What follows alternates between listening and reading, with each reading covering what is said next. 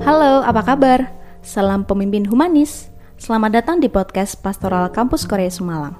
Podcast Pastoral Kampus Korea Su akan mengisi ruang dengar suster, bapak ibu guru, tenaga kependidikan, dan karyawan kampus Korea Sumalang dengan topik Pemimpin adalah seorang pendengar yang baik. Perkenalkan, saya Septi. Saya akan menemani Anda semua pada episode kali ini. Episode kali ini membahas tentang pemimpin sebagai pendengar yang baik. Memimpin sebuah tim dan diri sendiri tidak selalu berarti memberi perintah dan hanya mengatakan apa yang dipikirkan, tapi juga bagaimana dapat mendengarkan apa yang dikatakan orang lain. Jika bisa menjadi seorang pendengar yang baik, Anda adalah pemimpin yang baik. Kali ini saya ditemani oleh Ibu Eni dan Ibu Lucy dari SMP Koryesu. Saya mau sapa Ibu Eni dulu. Ibu Eni, selamat siang. Selamat siang. Bagaimana kabarnya? Baik. Sudah makan Ibu? Sudah. Jaga kesehatan loh ya Ibu ya. Ini Iya. lagi pandemi.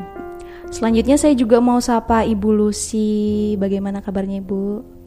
Ya beginilah Bu Septi. Sedang beginilah pokoknya. Semangat kah Ibu? Ya kalau dibilang semangat ya semangat. Kalau tidak ya memang saya tidak tidak semangat hari ini. Kenapa tuh? Nggak semangat. Saya ini lagi banyak mikir Bu. Kenapa ya anak-anak saya ini nilainya kok banyak yang jelek? Padahal saya tuh sudah membuat banyak materi, banyak latihan, dan saya rasa itu semua gampang loh. Tapi hasilnya ya gitu, jelek. Kan jadi ha- harus ngasih remedi ke anak-anak. Bagaimana ya ini ya? Hmm, Ibu Lucy pernah tidak tanya ke mereka kenapa mereka eh, nilainya jelek? Saya mah nggak mau tahu. Itu kan sudah tugasnya anak-anak belajar.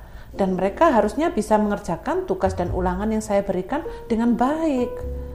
Bu, mungkin anak-anak itu, murid-murid kita yang nilainya jelek itu punya masalah di dalam keluarganya.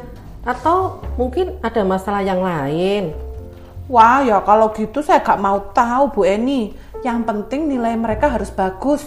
Saya tuh loh kecewa dan selalu marah sama anak-anak yang nilainya jelek ini. Mereka harus bisa mengerjakan tugas dan ulangan yang saya berikan.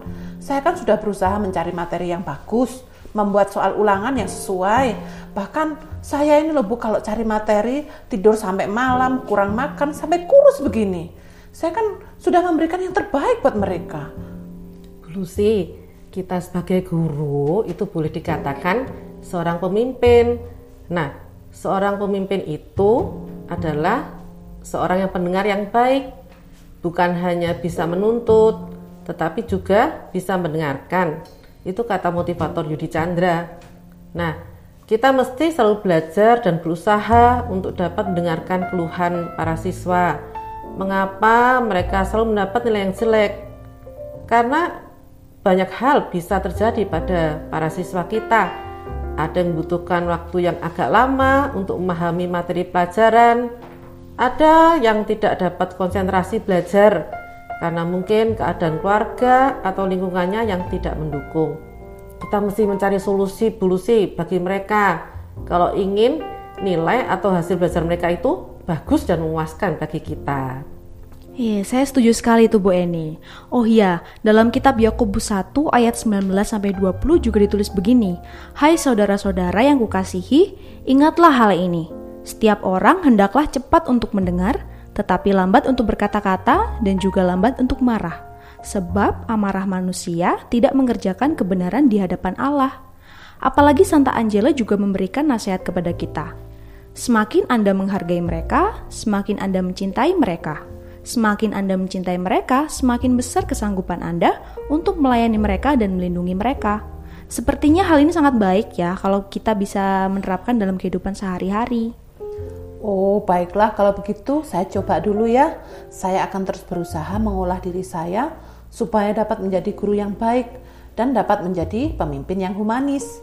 Ya, caranya mungkin saya coba mendengarkan keluhan anak-anak, lalu apa masalahnya.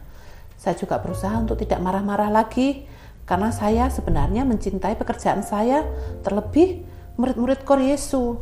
Saya dapat mencari solusi yang terbaik bila ada masalah atau ada kekurangan dalam murid-murid saya. Pada akhirnya, Nanti semoga anak-anak senang dengan pelajaran yang saya ajarkan dan hasilnya pun memuaskan. Kita pasti bisa menjadi pemimpin humanis. Jadi, kesimpulannya, jika ingin menjadi pemimpin yang baik, kita harus menjadi seorang pendengar yang baik. Santo Paulus mengingatkan hal ini.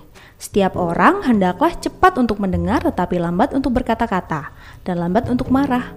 Santa Angela pun memberi nasihat kepada kita, semakin Anda menghargai mereka, semakin Anda mencintai mereka. Semakin Anda mencintai mereka, semakin besar kesanggupan Anda untuk melayani mereka dan melindungi mereka. Seorang yang sedang jatuh cinta tentunya akan senantiasa berusaha menghargai dan mendengarkan orang yang dicintainya. Kalau kita mencintai anak didik kita, maka kita senantiasa berusaha menghargai dan mendengarkan anak didik kita. Nah, demikianlah bahasan untuk kali ini. Terima kasih kepada Ibu Eni dan Ibu Lucy yang sudah menemani saya pada episode kali ini. Ibu Lucy tetap semangat ya untuk menjadi pemimpin yang baik. Siap. Semoga kita semua mampu menjadi seorang pemimpin humanis yang dapat menjadi pendengar yang baik dan bersama-sama mencari solusi yang terbaik dalam dalam masalah yang kita hadapi dengan penuh cinta kasih demi kepentingan banyak orang.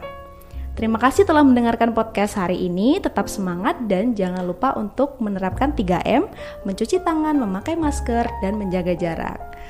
Pemimpin humanis, God bless you all.